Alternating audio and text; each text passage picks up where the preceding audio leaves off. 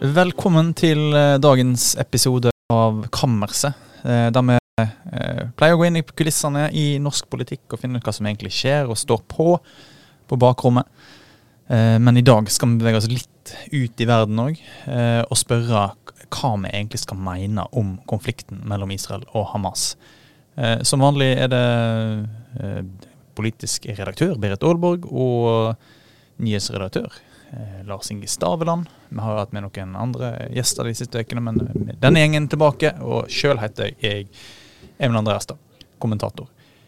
Berit, hva er det som har gjort inntrykk på oss den siste uka? Vet du hva, Emil? Jeg syns at du skal begynne å fortelle om hva som har gjort mest inntrykk på deg. For du er den som har vært ute og reist, og du har vært i Israel, og der var du når de første alarmene gikk. Så jeg foreslår at du begynner. Ja, altså det, Jeg hadde jo med meg noen bøker ned til Israel og satt på filmer og ting og tang. Eh, Men, eh, men det er jo vanskelig eh, å komme unna at den, de opplevelsene i et bomberom i Tel Aviv for de siste døgnene som jeg har hatt. Og, og den usikkerheten som israelske og palestinske borgere har opplevd de siste dagene. og jeg vet ikke, altså Det enkeltinntrykket jeg tror jeg sitter igjen med etter den turen, som er det, det som på en måte i aller størst grad har prega meg, det tror jeg må være eh, flyturen. Altså, altså eh, søndag ettermiddag, ett døgn etter, etter terrorangrepet til Hamas, som nå har vist seg å være et av de aller dødeligste terrorangrepene i moderne historie. Eh, eh, et døgn etterpå, Israel våkner. Det er et spøkelsesland som våkner. Eh, det er veldig mange mennesker som har mista noen de er glad i. Og, og i, en, i en bestialsk, brutal eh, terror. Um, eh, og, og der eh, f- det er mange eh, som jobber på butikker, restauranter, taxisjåfører og andre, eh, har eh, måttet reise til fronten eh, som reserve, altså reservister. eh, og, og skal i kamp mot Hamas. Um, inne på Gazastripa, sannsynligvis. Så det er, det er en veldig spesiell stemning. og uh, det begynner, og I lufta er det raketter, du hører det Iron Dome jobbe eh, for å skyte ned raketter, og du hører kamphelikopter, og det er eh, kampfly nordover, sørover, både mot Hizbollah i Libanon og i, i, eh, på Gaza. Så det er eh, den stemningen. Og så ringer Bjørn, sjefen eh, vår, og sier at jeg må hjem. Um, og jeg må bare komme til flyplassen, fordi luftrommet kan stenge over Israel. Og det, det begynte jo å bli trangt ut. Og jeg var allerede bekymra. Jeg og Bjørn satt og snakka om dette kvelden før. Jeg var allerede bekymra da og ville egentlig ha deg ut allerede da. da, satt jeg, da satt jeg og koste meg nede i et bomberom eh, nede i, i, i Tel Aviv. Og Og vi, vi må jo bare si at det er jo reportere der, men du er jo heller ikke krigsreporter. Og hadde du jobba der lenge, så hadde kanskje situasjonen vært en litt annen, men det hadde du jo ikke. Du hadde akkurat, du hadde bare vært der en uke på ferie, Ja. og så skulle du begynne å jobbe. Så det gjør at situasjonen blir litt annerledes enn noen av de reporterne som er der nede fast. Ja, vi, vi i vårt land har jo mindre stab og ting. Så, så det er mindre sikkerhetsressurser eh, og sånne ting som gjør, gjør at det var vanskeligere. Men, eh, men eh, nei, den stemningen på flyplassen der, der, der alle vil ut, uh, og der vi sitter på flyet, og det, vi vet at Hamas flere ganger i løpet av disse døgnene har sagt at de ønsker å ta uh, flyplassen. Ben Gurion. Ben Gurion-flyplassen. Og, og, og den, den uh, trykka, triste, lågmælte stemninga innpå det flyet, og når kapteinen begynner å snakke om hvordan denne flygningen, som var en israelsk, et israelsk rutefly, en del av liksom Israels eh, totalberedskap mot den krigen som nå pågår, og at de skal holde lufta åpen for å hente hjem eh, reserv, reservister fra andre deler av verden. Det var, det var en veldig spesiell stemning. og Jeg våkna dagen etterpå og var djupt eh, trist. Eh, sånn, Kan jeg bare si en kuriøs ting, da, som eh, kanskje er litt sånn absurd å komme med nå. Men jeg satt jo selvfølgelig og, fulgte, fulgte deg på flyradar, Emil. Jeg var veldig glad når du eh, flyet ditt bevega seg over Kypros. Jeg var jo redd for at det skulle skje noe. Det er jo det vi, vi er, at det ble skutt ned eller et eller annet skulle skje. Men det som var det absurde, var at akkurat idet ditt fly landa, da, Nei, letta, så var det faktisk det mest fulgte flyet i hele verden. Det lå som nummer én på det fly som folk over hele verden satt og fulgte med på. Så Det sier litt om det fokuset folk hadde på nettopp. Og det, det var det Det så jeg de flyene som kom etterpå, lå, Letta lå også der. Så folk er jo veldig opptatt av dette over hele verden. Ja, sant. Og, og jeg, jeg, vet ikke. Det, det var veldig spesielt. Og, og det, den, jeg trodde jo at jeg ikke var så redd. Jeg trodde at det her var, eh, dette her håndterte jeg egentlig ganske godt, og, og skjønte at jeg var relativt trygg hele tida sammenlignet med mange andre. Men i det øyeblikket, altså det å få raketter over seg, og det å være i bomberom som er på ordentlig, det er, det er en opplevelse som du ikke skal kimse av. Så jeg satte meg på den her, eh, Jeg kom til landa i Berlin i går og skulle inn til byen der og, og ta T-banen inn eller S-banen i Berlin. Setter meg inn på den, og jeg hører et sånn flylyd. Eh, da har jeg hørt raketter i flere dager. Og den den reaksjonen, den instinktive liksom At jeg bøyer meg ned fordi at jeg eh, satt og slappa av, men så bare anspente jeg hele kroppen. Og, mm. og da skjønner jeg at det her, det, her, det her Og det sier kanskje noe om de som lever i dette tiår etter tiår, at det er ikke noe rart at fronten kanskje er ganske harde, men det skal vi jo snakke ja, sant, og jeg, det, jeg tenkte da på disse her, liksom, israelske og palestinske barna som hører disse lydene, lyden av krig, hele, hele tida. Og, og den de traumene det skaper. Da. Så det, det, er det som har gjort mest inntrykk på meg. Um, men eh, dere det er Kan jeg fortsette litt i samme leia? For det er klart at det er jo ikke, vi har jo ikke vært i Israel sånn som du har vært i denne runden, Emil. Men jeg må si at kanskje noe av det som jeg har fulgt veldig mye med og sett i sosiale medier på det som har skjedd. Og en periode så måtte jeg bare slutte å se på det, for det var en god del videoer av en del av den bestialiteten. Og det er ikke, det er ikke nødvendig å se mye av det, men man må også når man jobber, i hvert fall i det yrket vi har, så må man vite hva som skjer. Så jeg ble sittende for å bare liksom forstå hvor bestialsk dette er. Og den kanskje fæleste videoen som ble vist, det var mange grusomme videoer. Det var en nesten avkledd eh, fange som var tatt av eh, Hamas, som lå bakbundet eh, og eh, veldig ødelagt kropp, mm. Eh, og som blei spytta på. Mm av uh, Hamas og deres tilhengere i en slags seiersrus over at de hadde kommet inn i Israel. Og den videoen har liksom klistra seg som en sånn ubehag på netthinna hos meg. Og jeg vet at det er en kvinne på 30 år, og, og hennes mor kjente henne igjen på tatoveringa på leggen. Uh, og de driver desperat nå. Det, VG laga sak om det i Norge. Flere internasjonale medier har skrevet om hun mora. Hun håper jo datteren er i live, at hun bare var bevisstløs, og at hun fortsatt lever. Eh, det vet vi jo ikke om hun gjør, da. Det, det, så ikke sånn ut, for å si det rett ut. Men, men, den desperate situasjonen, å sitte og vite at hun kanskje er i fangenskap og veldig, veldig skada, eh, må være veldig fælt. Så, så, det er den tingen som kanskje gjør mest inntrykk på meg oppi all den eh, bestialiteten som skjedde, da. Og Det er jo noe av det, det du beskriver der. Jeg satt jo og så på israelsk TV eh, disse timene her mens dette skjedde, og mange av disse bild, eh, Helt annerledes enn i Norge, så gikk jo mange av disse bildene på TV eh, og videoene, og, og brutalitet som, eh, mm. ja, som, det er vanskelig å få vekk fra netthinna. Og, mm. og Netanyahu, som i går snakket om at, eh, at, eh, her, at Hamas hadde henretta barn med håndjern på. Uh, og hvis, ja, det, det, det forsvinner ikke fra minnet, disse tingene her. Lars Inge, har du noe lyst til å gjøre, eller er det Nei. like mørkt? Nei, altså det er jo ikke til å komme vekk ifra. Det som har gjort mest inntrykk, er jo det som har skjedd i, i Israel. Uh, jeg var jo på ferie i siste uke. Jeg var på Kreta, og det var da uh, veldig lystig og fint. Uh, skal jeg si noe annet som ikke Så leste jeg ei bok som en gjør på ferie. Det var en ganske blodstengt bok, må jo sies. det var 'Rytterarmeen' av en eh, jøde som ble drept av Stalin, som skrev eh, to bøker om eh, krigen, eh, borgerkrigen i Russland. og når han er vant med et nyhetsbilde som er prega av veldig mye grusomme ting som kommer veldig nært. men han klarte å skildre folk og deltakerne i en krig og grusomheter på 20-tallet på en måte som var helt uh, helt uh, fascinerende. Du kom veldig nært en krig som på en måte vi har glemt, men som har klare paralleller til, til ting som skjer i dag. Ja. Uh, og det var, som, som historiker så syns jeg jo det er litt spennende. Hva heter boka, sa du? Rytterarmeen og skrevet på 1920-tallet. Ja, du verden. Men det kom en ny oversettelse. Eh, jeg husker ikke navnet på oversetteren, men hun gjorde en veldig god jobb. Mm, du verden. Vi kan jo gå inn på kammeret, og liksom Vi er jo eh, blant annet altså, Du og jeg, Berit, vi skriver jo mye kommentarer. Du skriver jo en del kommentarer du òg, eh, Lars Inge.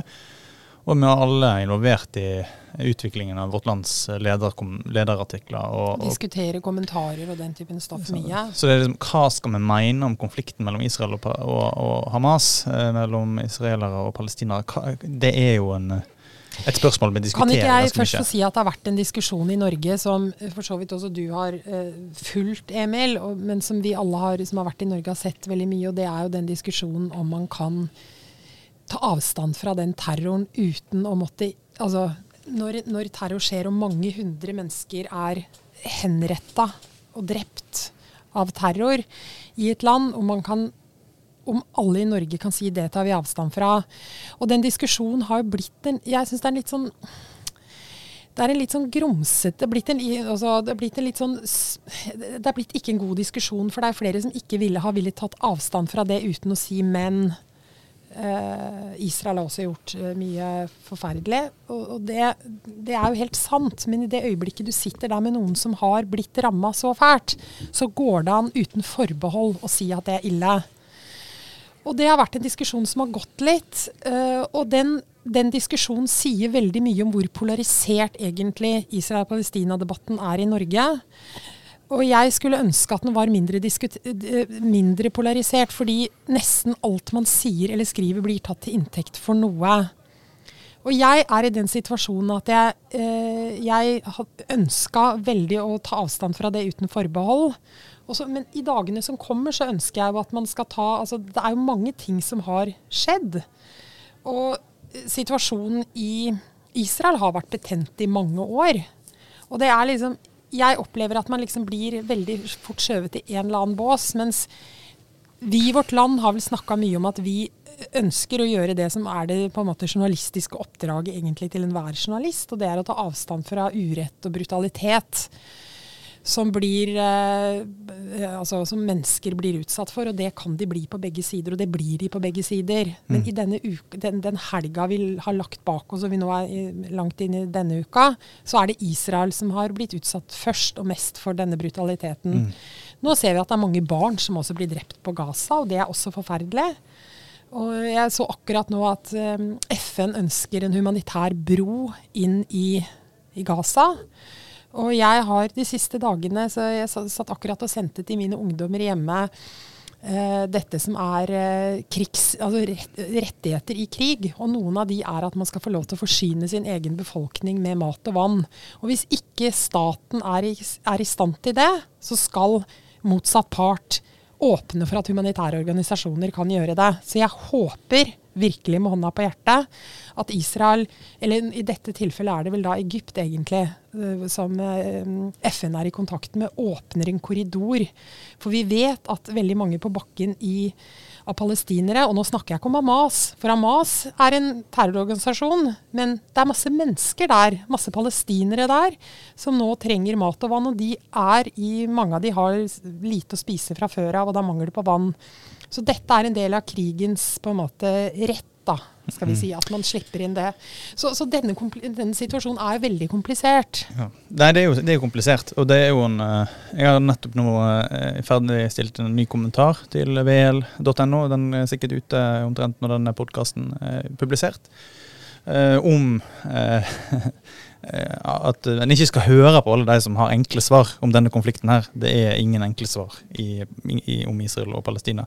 Det enkle svaret, hvis det skulle vært noe, er jo den linja som vi har landa på her i avisa, om hva vi skal mene Hva som skal være vår eh, eh, linje. Og det er jo den kompromissløse humanismen eh, som eh, Eh, skal gjelde at, at, et liv er et liv, om det er et palestinsk liv eller et israelsk liv som eh, blir ramma av uh, urett, og, og, og, at sivile blir ramma, så er det Og så gjorde det også en annen ting som faktisk gjorde et inntrykk på meg i, dag. Det var en sak som vårt land, journalister i vårt land lagde, og det var intervju med en kristen eh, palestiner som appellerte til oss ute i verdenssamfunnet ikke ta side. Og det syns jeg var ganske godt sagt, fordi vi kan kun ta én side, egentlig, og det er eh, på menneskerettighetssida. Mm. Og det, det gjelder begge sider. Ja. Ja. tenker Inge? Nei, altså Det er jo det er jo uh, veldig vanlig, og spesielt nå i tidene med sosiale medier. Det går veldig kort tid før folk har en tanke til han er spredd uh, der ute, Uh, til å på en måte lage en sånn veldig forenkla kontekstualisering av ting som sjokkerer en eh, på, på uh, i mediebildet, da, og ting som har skjedd. Uh, og det tenker jeg at av og til så bør vi i mediene tenke uh, altså, Den kontekstualiseringa med å si liksom at, eh, at alt skal ha en slags sammenheng, Uh, den er ikke alltid like heldig, rett og slett. Altså, det er komplisert. Uh, ikke sant? Det er jo En kan ikke vurdere Hamas handlinger ut ifra utenfra en eller annen kontekst i historien, eh, selvsagt. Men den konteksten er veldig komplisert, og det går fint an å si kun at eh, dette var en ren massakre eh, iverksatt av en eh, terrororganisasjon. Eh, det syns jeg jo Det er jo en av de tingene som eh, som òg har vært en debatt om. Eh, og, og la det være med det. En trenger ikke nødvendigvis kontekstualisere på samme måte som en trenger ikke nødvendigvis kontekstualisere eh, israelske angrep mot et sykehus i Gaza òg. Eh, det kan hende at Israel vil gjennomføre angrep som bare er vonde, og at en ikke nødvendigvis trenger, ut, trenger en kontekst for å forklare det. Men selvsagt historisk bakgrunnen er da. da. Men forenkla kontek kontekster eh, ser en veldig ofte for tida. Og Eh, hvis jeg kan ta med et israelsk perspektiv, da, som uh, mange uh, som er inne på dette du snakker om, Lars Inge, så, så er det jo mange i, i Israel som reagerer veldig på den måten de blir møtt, med, i- møtt i Vesten, og deres rett til å forsvare seg ikke blir anerkjent osv. Dere Mm. kjenner jo den diskusjonen. sant? Eh, og, og nå eh, Jeg, jeg syns det var veldig interessant å, å høre på hun eh, Cecilie Hellestveit, som, eh, som er folkerettsekspert, som snakker vel både hebraisk og arabisk, og, og kjenner denne konflikten svært godt. Det var en av de tingene hun, hun kan best. Em, og som peker på liksom Ja, eh, Hamas er per definisjon en terrororganisasjon som driver terror, og, og det innenfor folkeretten så er dette de har gjort terror, uten tvil. Det er jo egentlig de aller fleste enige om, uten noen veldig ytterliggående element i, i Palestina-komiteen her hjemme i Norge, kanskje. Ja, det tror jeg jeg vil si, altså. Eh, og så, og så eh, Det Israel driver, det er jo å ta ut posisjonene til Hamas. Det er jo på en måte den militære logikken bak. Og så er det nå en diskusjon. Hvis vi klarer å holde fakta fra, fra eh, rykte og snakk, så er det jo det er jo det Israel sier at det er. Og så er det en del motstandere av den israelske okkupasjonspolitikken og, og kanskje palestinavenner og andre som, som sier at det Israel gjør, det er å hevne, eh, hevne seg og, og f.eks. ta et sykehus og skoler. Og, eh, men disse, så, sånn som jeg har forstått det, og så, som jeg tror er ganske opplest og vedtatt, er jo at eh, Hamas, eh, som den terrororganisasjonen det er, som en ekstremt dårlig representant for uh, sitt uh, folk, uh, eh, gjemmer seg inne på disse skolene, gjemmer seg inne på sykehusene, gjemmer seg bak sivile, og, og det er der lederne. også nå gisler fra Ja. Israel. Og det fins altså ikke et eneste bomberom på Gaza. Jeg, jeg, det er sånne spørsmål som jeg gjerne skulle sett gode svar på. Hvorfor er det ikke det? Ja, er Hvorfor, hvorfor er ikke eh, Men, men, men det leder meg over i Emil, å snakke om en annen ting. fordi at jeg tenker at begge, altså både Hamas på sin side, som er en terrororganisasjon, som har, nå er i allianse med det iranstøttede Hizbollah eh, fra Libanon, eh, og som nå også har fått støtte fra eh, Taliban i Afghanistan. Og tror ikke jeg Taliban kommer til de, Taliban har bedt om fritt leide, bl.a. gjennom Jordan for å, å delta jeg, jeg, jeg, jeg, tror det ikke før jeg får se det. Taliban har aldri hatt noen internasjonale ambisjoner. De har vært opptatt av Afghanistan. Men de har nå i hvert fall sagt, og det er symbol, det er en symbolsk handling da gjør det, Men, men, når du da liksom har Iran som står bak Hizbollah, og du har Hamas, og du har Taliban, og, og man nå virker som man kanskje liksom får også støtte fra Russland, så da, da ser du hvilken gjeng det er snakk om. Sånn at jeg, tror ikke det er veldig jeg tror veldig få Det er noen i Norge som, som syns at, at, at uh, Hamas ikke er en terrororganisasjon. Men jeg tror f.eks. sånn som når regjeringa ikke vil si det, når Støre ikke vil si det, så tror jeg de fortsatt håper at de skal greie å snakke med Hamas. Jeg tror det er grunnen til at de ikke vil kalle dem en terrororganisasjon. Jeg, jeg tror de fleste er enig i det. Jeg tror, da, jeg tror det vil komme et skifte der. Altså, fordi altså, I Vesten så har han jo håpt på at uh, disse moderate elementene skulle vinne fram. Og det har jo vært en del av den norske linja veldig. At det skulle være moderate krefter på begge sider som skulle vinne fram. Internt i Hamas? Eh, ja, internt i Hamas, men òg på, på, på, alle sider, mm. uh, egentlig. Og så må vi huske på da at Hamas har jo ikke vært det har jo vært mer ekstreme grupper på, på Gaza enn Hamas. Så det, det, har jo vært moderate elementer i Hamas som jeg tenkte jeg kunne prate med, mm. mens det har vært eh, andre grupper. Eh, islamsk hellig krig og veldig mange andre grupper som har en helt annen posisjon. Og det tror jeg var litt av grunnen til at eh, Det har jo israelerne sagt òg. At de etterretningene bomma så kraftig òg. Mm. At de, de, hadde rett og slett ikke oversikt over dette. Eh, de visste ikke hva som var motivasjonen her. Og de visste ikke hva, hva planer uh, Hamas hadde. Men det jeg hadde veldig lyst til å si også, var at det har du på den ene sida har du Hamas. Som, som, har kanskje også blitt Det er kanskje de mer radikale gruppene hva skal vi si, som har vunnet fram.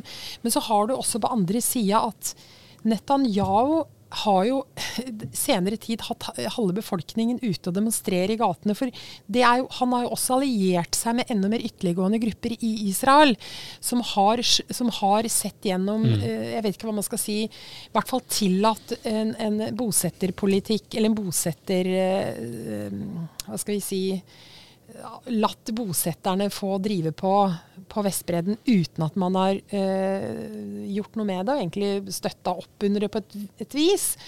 Og, og, ikke sant?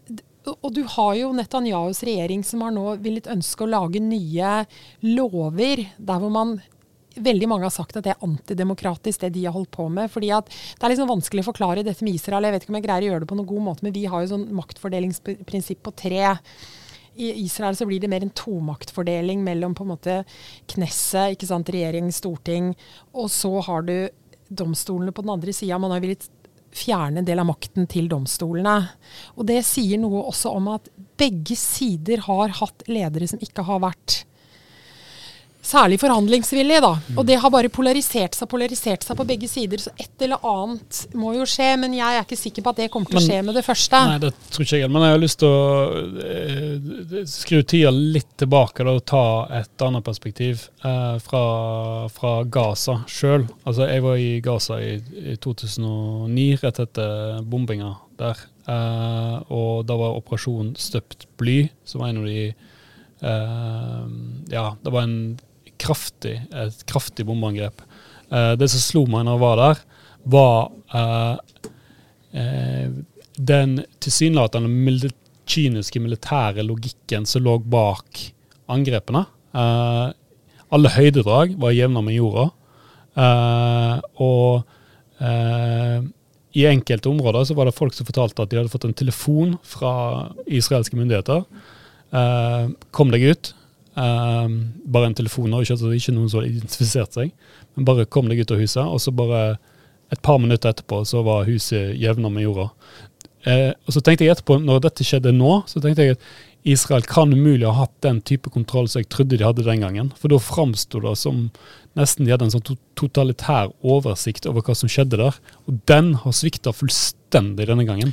Og jeg heller ikke Jeg må bare si et litt uenighetspunkt med med Emil der. Um, og dette med uh, Hvis du ser hvordan israelske bomber treffer på Gaza, um, så uh, Israelerne hadde ikke hatt sjans til å bygge uh, bomberom for å beskytte sine egne folk, nei, folk på Gaza. Hadde ikke hatt sjans til å bygge de bomberommene for å beskytte sine sine, eh, sine, sin befolkning eh, på Gaza. Vi, vi vet jo ikke hvor, hvor mange bomber om de Hamas har laget, eller om de har brukt all sementen på å lage tunneler og sånne ting. det Vestlige har. Men hvis du ser dette er, ikke, dette er ikke Dette er en helt annen type våpen enn det som, som Israel har blitt utsatt for. Altså. Dette er, dette er Hvis Israel hadde blitt angrepet, den samme kraften som Palestina blir, så tror jeg kanskje bomberommene til israelerne hadde vært litt uh, Sterkere. Ja, det kan godt hende. Um, og det, det, det, stemmer nok. Uh, men det er altså ingen, ingen så vidt uh, vi vet. Det blir sagt, men vi vet jo ikke det. Vi vet jo ikke det. Har, Nei, det er jo blitt sagt, hadde, da, at ja, man ikke har bomberom. Men sivilbefolkningen der har iallfall ikke, som jeg vet, tilgang til slike. Spørsmålet er om det hadde vært mulig men, å bygge bomberom på det lille området for så mange. Men, men ja. uansett så er det dere sier her er veldig interessant, fordi eh, Og som du, du, peker på, eh, Lars Inge, knytt til eh, israelsk eh, selvforståelse av sin kontroll over Gaza og etterretning og, og militæret. Det blir jo sagt sant? Mm. Altså, den sterkeste etterretningen i verden og et av de mest kraftfulle uh, forsvarene. Og, og, og knytt til det Berit snakker om, den høyredreiningen i israelsk politikk. Og sammenhengen mellom disse to er veldig interessant, fordi eh, i Israel, når jeg var der nå, så var det det folk snakket om. Det var det folk var opptatt av. Hvordan kunne dette skje? Og vår kollega Dana Vanono har jo skrevet en eh, veldig god mm. kommentar om det, som kan lese på vl.no. Eh, men noe av det folk sier, er jo at fordi Netanyahu har lent seg på bosetterbevegelsen, som har sitt stronghold på eh, Vestbredden, eh, så har flere av de ministrene i eh, bl.a. han eh, Ben Gvir, som er en av de ytterliggående høyreorienterte ministrene i regjeringa til Netanyahu, har flytta, har fått gjennomslag for å flytte ressurser over fra områdene sør i Israel, rundt Gaza, til Vestbredden for å ha kontroll rundt bosetningene. Mm. Sånn at uh, hans uh, liksom interesse i det israelske samfunnet har stått sterkere. Og En ting til som jeg også tror vi ikke skal glemme, er at etterretning, altså Mossad, eh, sies jo sant, å være, som du pekte på i stad, noe av den sterkeste etterretninga i verden. Men de har altså hatt store utfordringer internt i eget land fordi det har vært så mye demonstrasjoner. Og de har jo også måttet bruke noe kapasitet på det. Mm. Ikke sant? Så, så det er eh, det er også kanskje noe av grunnen til at eh, Mossad ikke har hatt den kapasiteten de har hatt tidligere til å avdekke dette. Fordi man faktisk har måttet bruke kapasitet på sikkerhet og på hva skal vi si, Det er jo store deler av befolkninga som har vært ute i gaten og demonstrert mot den nye loven som jeg var inne på i stad, som omfatter domstolen og deres uh, skal vi si, styrke eller likestilling i det israelske systemet. Så, så det, er, det, er, kanskje ikke tilfeldig at dette også skjer når Israel er så splitta som Israel er. Nei, og Mange av de som har demonstrert, er jo reservister og folk fra Forsvaret, og vi har hatt ministre i, i Netanyahus regjering som har vært veldig motstandere mot dette tidligere. Altså. Det har jo vært en splittelse, og den, at den splittelsen har eh, hatt rot i etterretningsorganisasjoner, i det militære apparatet, det er jo, det er jo sannsynlig å tenke mm. at den har. Eh, og at dermed legitimiteten til Netanyahus lederskap i det viktige eh, sikkerhetsapparatet kan ha vært svekka i, i, tida før dette angrepet. Det er ingen tvil. Og så er det jo klart Eh, det sofistikerte ved dette angrepet, og hvordan det er gjennomført. Uh, mange nede, nede i, Israel og Tel Aviv som jeg snakka med, som pekte på at på likheter mellom hvordan uh, dette angrepet er gjennomført, og hvordan uh, Russland f.eks. driver krigføring øst i Ukraina. Veldig mange av de samme metodene som er brukt f.eks. med dronene for å ta ut disse overvåkningskameraene som etterretningen har hatt inne i Gaza og andre plasser. og og det gjorde jo det mulig for uh, Hamas å slå så hardt til um, som de gjorde. Så at det er andre aktører her som, som uh, har spilt en rolle, det er, jo, det er det jo ingen tvil om. Jeg tror, uh, jeg tror det blir et fryktelig viktig spørsmål fremover. Altså Israel, Netanyahu har vist at han ikke er i stand til å beskytte sivilbefolkningen, som ikke gjør noe annet enn å, enn å bo i Israel. og det er klart, det er liksom jobb nummer én og vil trumfe alt annet. Så det blir jo spennende å se da, eh, når denne konflikten eh, forhåpentligvis en eller annen gang eh, roer seg. Hvem er det da som vil demonstrere mot eh, Netanyahu? Altså, jeg tror det vil være det vil være mange folk ute i gatene, og det vil ikke nødvendigvis være de samme folkene. Eh, men det kan være flere. Og så er det også i Norge veldig lett å på en måte liksom ha et veldig sånn ensidig syn på hva israelere og palestinere mener. Og vi har jo sett at det har vært demonstrasjoner. Og, og du har jo f.eks. Du har eh, bl.a. Håret-journalist Gideon Levi. Han har jo vært veldig kritisk. Han jobber i Hårets. Er det ikke sånn det uttales? Haaretz. Eh, og han har f.eks. vært veldig kritisk til måten Israel har drevet politikk i forhold, i forhold til Gaza eh, og, og, og Vestbredden. Sånn at det er liksom det så, det, så, det, så, det blir ofte fremstilt her i Norge som litt for ensidig, da. Hvordan det israelske samfunnet er skrudd sammen, og hvor, hvordan palestinske samfunnet er skrudd sammen. Og, og, og viljen til dialog og samarbeid og forsøke å finne løsninger. Så jeg, eh, jeg tenker at det, det det er vel ikke tvisyn, men det er på den viljen til dialog som også fins enkelte steder, kanskje det blir helt borte nå når vi sitter og ser på det som skjer. Det høres ut som du har lest kommentaren jeg nettopp har skrevet, Berit, men du skal snart Det har jeg faktisk ikke gjort. Nei, du skal, men, snart, eh, du skal snart få gjøre det. Ja. Altså, på, på lang sikt så er jo dette en slags sånn eh, bevis på at den politikken Israel har ført ikke sant? Israel hadde jo bosetninger på Gaza òg, inntil 2006, var det vel. Eh, eh, og de ble jo evakuert. eh, og da begynte den dagens politikk i, overfor Gaza, at en skulle stenge i praksis inne. da. Eh, og det har jo vært en uh, off and on-blokade av eh, Gaza helt siden den gang.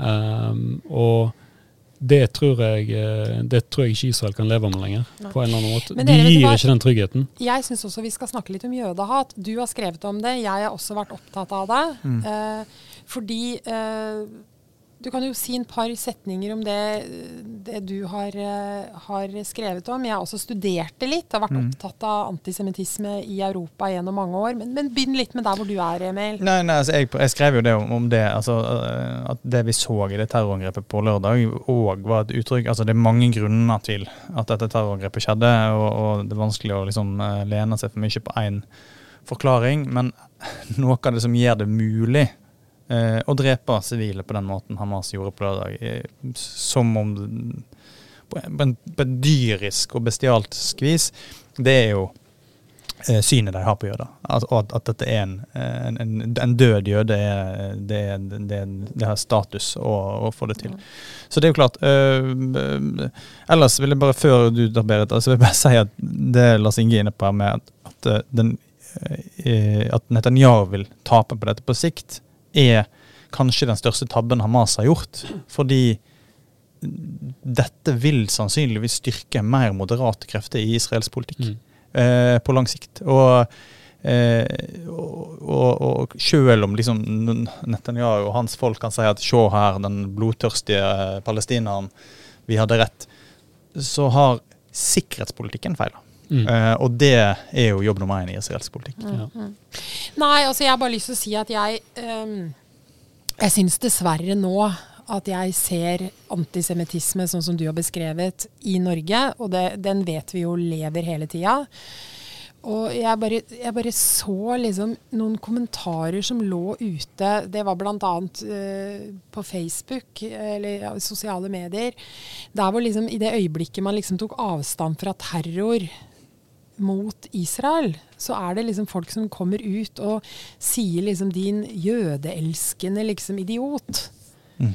Og det å snakke på den måten, det, det, det har faktisk røtter inn i reinspikka antisemittisme.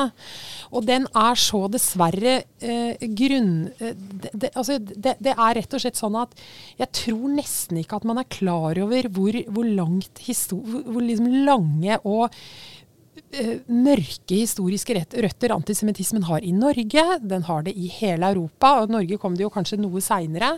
Den fins i Frankrike, den fins i Tyskland, den fins i store deler av Europa. Den fins i konspirasjonsteorier.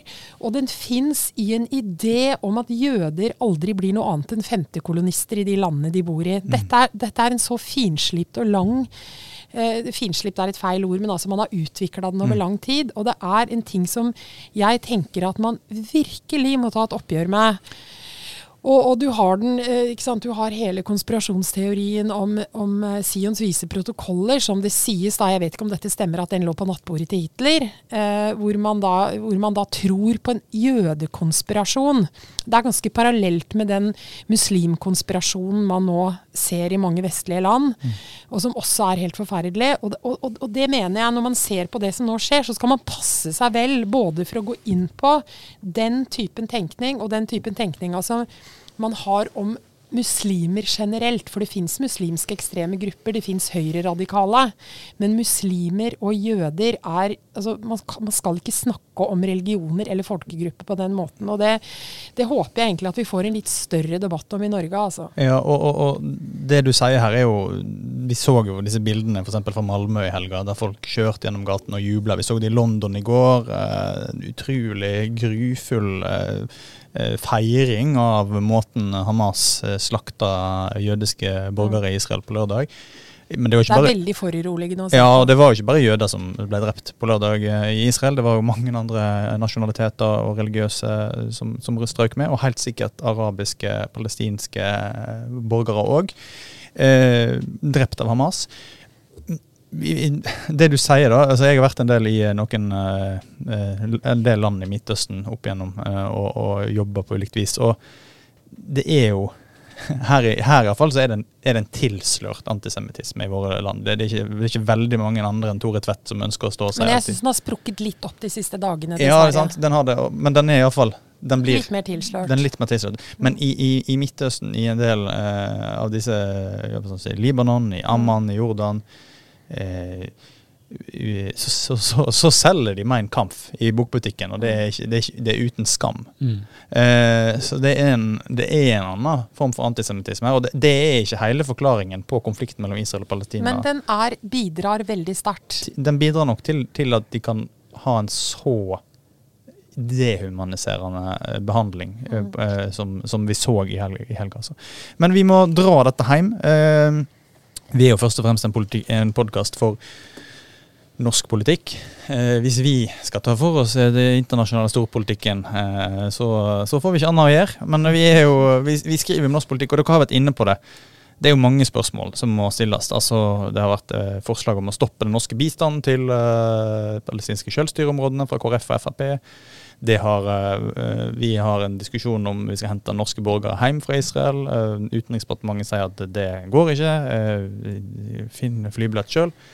Og som dere sa her, Støres forhold til Hamas, som har vært en, en, en ganske sånn problematisk et punkt i hans CV, politiske CV opp igjennom, og, og som nå dukker opp igjen, og han, han vil fortsatt ikke si det. Og, ja, hva sier vi eh, om Nei, Jeg tror at det er helt nødvendig at både Utenriksdepartementet og Støre begynner å tenke litt på det som har vært Norges rolle tidligere, som er tufta på et par ting. Altså, Norge har jo eh, formannskap i den giverlandskomiteen. Eh, giverlandskomiteen for, for Palestina. Palestina. Det er jo en eh, viktig jobb som Støre snakker om veldig ofte. Uh, og så har vi jo dette, Hvis en leser statsbudsjettet om, om bistanden til, til, Palestina, så er, jo, så er det, de skal bygge organisasjoner som er klare for uh, som er klare for en tostatsløsning eh, etter freden er kommet. ikke sant? Nå framstår det uendelig langt fram dit. Og i tillegg da, så er det det som vi har snakket om tidligere, at en på en måte skal ha en dialog og snakke med moderate elementer på, eh, på alle områder. Eh, og jeg tror, jeg tror det er på høy tid å begynne å, å, å, tenke på nytt om hva som skal være målene. Altså for nå, nå framstår det som uh, som litt sånn ønskedrøm uh, uten noe særlig realiteter bak. Hvis en, leser, hvis en leser rett og slett hva vi vil med bistanden til mm. Palestina. Uh, og så tror jeg det er viktig at vi ikke kutter nå. Mm. Det er viktig ikke å kutte nå. Så er det en ting til som er viktig, som vi jo uh, alle sammen her har vært med på å skrive leder om, og det er at det er viktig å nå gi eh, nødhjelp. Fordi at uansett hva vi mener om hvordan bistanden skal gis, så trengs det nå nødhjelp eh, hvis, greier, hvis, man greier å få det inn. Man trenger mat, man trenger vann for at mennesker ikke skal dø. Så der er det all grunn til å tra trappe opp det hvis det er mulig å få det inn, særlig på Gaza. Eh, og så har vi jo egentlig, mener vårt land at man bør ta en, som du sier, ta en gjennomgang men at man ikke liksom skal sitte og kutte det tvert over natta midt i en krisesituasjon, det er liksom aldri en veldig lur strategi. Og så må du huske på at bistand eh, til sivilsamfunn i sånne autoritære regimer du, når, jeg var i, Det var jo rett og slett 2009, så er det en stund siden ting kan ha skjedd etterpå. Men de kontaktene du hadde der, de folkene som fortalte deg om situasjonen, de som hjalp deg inn, de som på en måte åpner opp da, eh, regimer, eh, eller åpner opp eh, Gaza, var jo bistandsmottakere. ikke sant? Det var en del av eh, du, du, skaper et, et, mangfold, og du er med på på en måte å, å, å svekke Hamas sin totale makt. hva skal jeg si, makt. Da. Og hvis du, hvis du snur på det og tenker at internasjonal, den, altså, den uh, vestlige hermetegn, bistand til, til, Gaza hadde falt bort, og Iran hadde steppet inn eh, for å ta kontrollen, så hadde en sett helt annet, en helt annen situasjon. Og Da hadde vi ikke visst hva som skjedde. Og så, Selv om vi bare skal snakke om ren militær sikkerhet, så hadde vi ikke visst hva da hadde vi visst enda mindre mm. uh, om hva de var i stand til å gjøre. Men så er det vel det som blir det store spørsmålet. Hvem, hvilken kanaler bruker man inn på bistand? Det er klart at Her er det jo da liksom sivilsamfunn, ideelle organisasjoner, det er, det er, en mye lurere måte å gi bistand inn i denne typen land. Selv om det er, kan forekomme korrupsjon, det kan forekomme ting mm. der, så er det nok den menneskelige kontakten istedenfor liksom type I gamle dager er man jo mye stat til stat. Det gjør man jo ikke på samme måte lenger. Mm. Og så, så, er det jo et, et spørsmål som Elle sier. sant? Altså, eh, Støres eh, definisjon av, terror, eh, av eh, Hamas. Og nå, nå er, Jeg hørte, hørte i dag tidligere at uh, dette terrorangrepet på lørdag, som, som, alle er enige om at det er terrorangrep, Støre kaller det vel òg mm. terrorangrep, terrorhandling, um, er uh, om det er nummer, det fjerde eh, blodigste eller femte blodigste terrorangrepet i uh, nyere historie. Det er et par av IS sine angrep og terrorangrepet For å si det sånn, terrorangrepet 22.07 kommer langt ned på Ja, ja, ja. Og, og, og, og det mm. 11.9. og et par andre da, ja. som, er, som, er, over der. Men det, det er, vi er der oppe i, eh, i, i skala, da. Eh, og, og det er jo ingen av de som har gjennomført disse andre angrepene som vi ikke kaller terrororganisasjoner.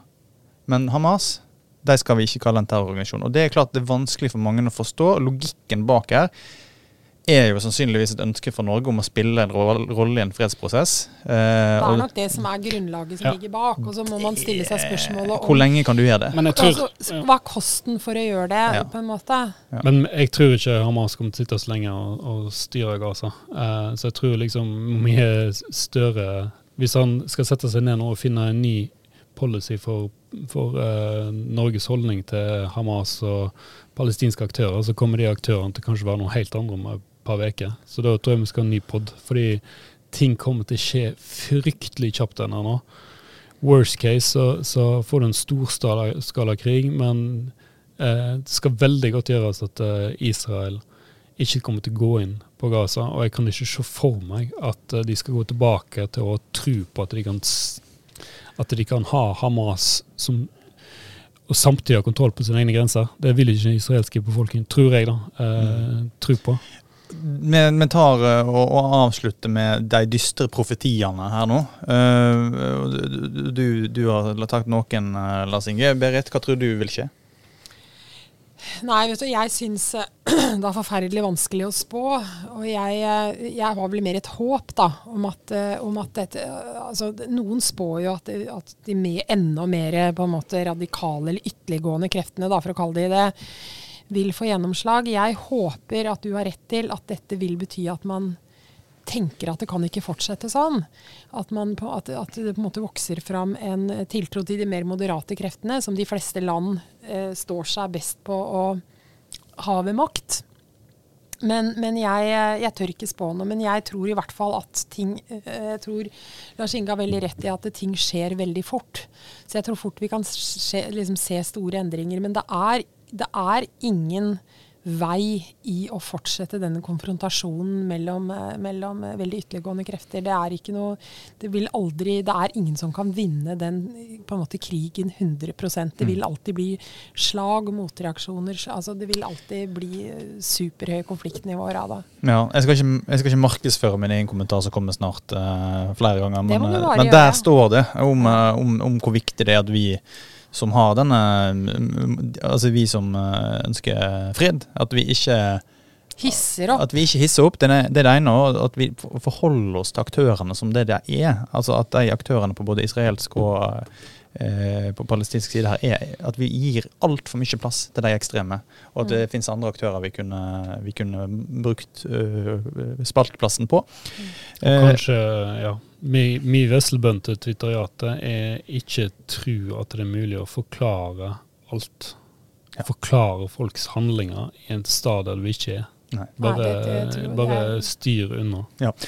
Og eh, min eh, profeti det vil være at eh, den israelske hæren i løpet av de neste ukene, som, som Lars Inge er inne på, rydder ut Hamas som organisasjon. Tror du det er mulig, Emil? Ja, altså det, det kommer iallfall til å være borte fra maktspillet i Israel og Palestina i løpet av de neste ukene. På grunn Jeg tror det er uunngåelig.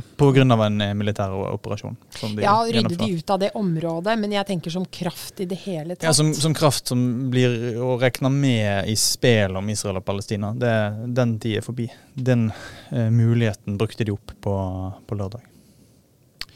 Og med det, med disse lyse tonene, så eh, sier vi tusen takk for at dere lytter til eh, podkasten vår. Eh, vi håper å være tilbake med en mer optimistisk og lysere podkast neste uke. Eh, og, og da mer om kanskje Arbeiderpartiets eh, eh, implodering, eh, Erna Solbergs eh, fall og andre, En mulig rokade i regjeringa. og andre gladsaker. Ja, litt dose arbeidslinje. Ja.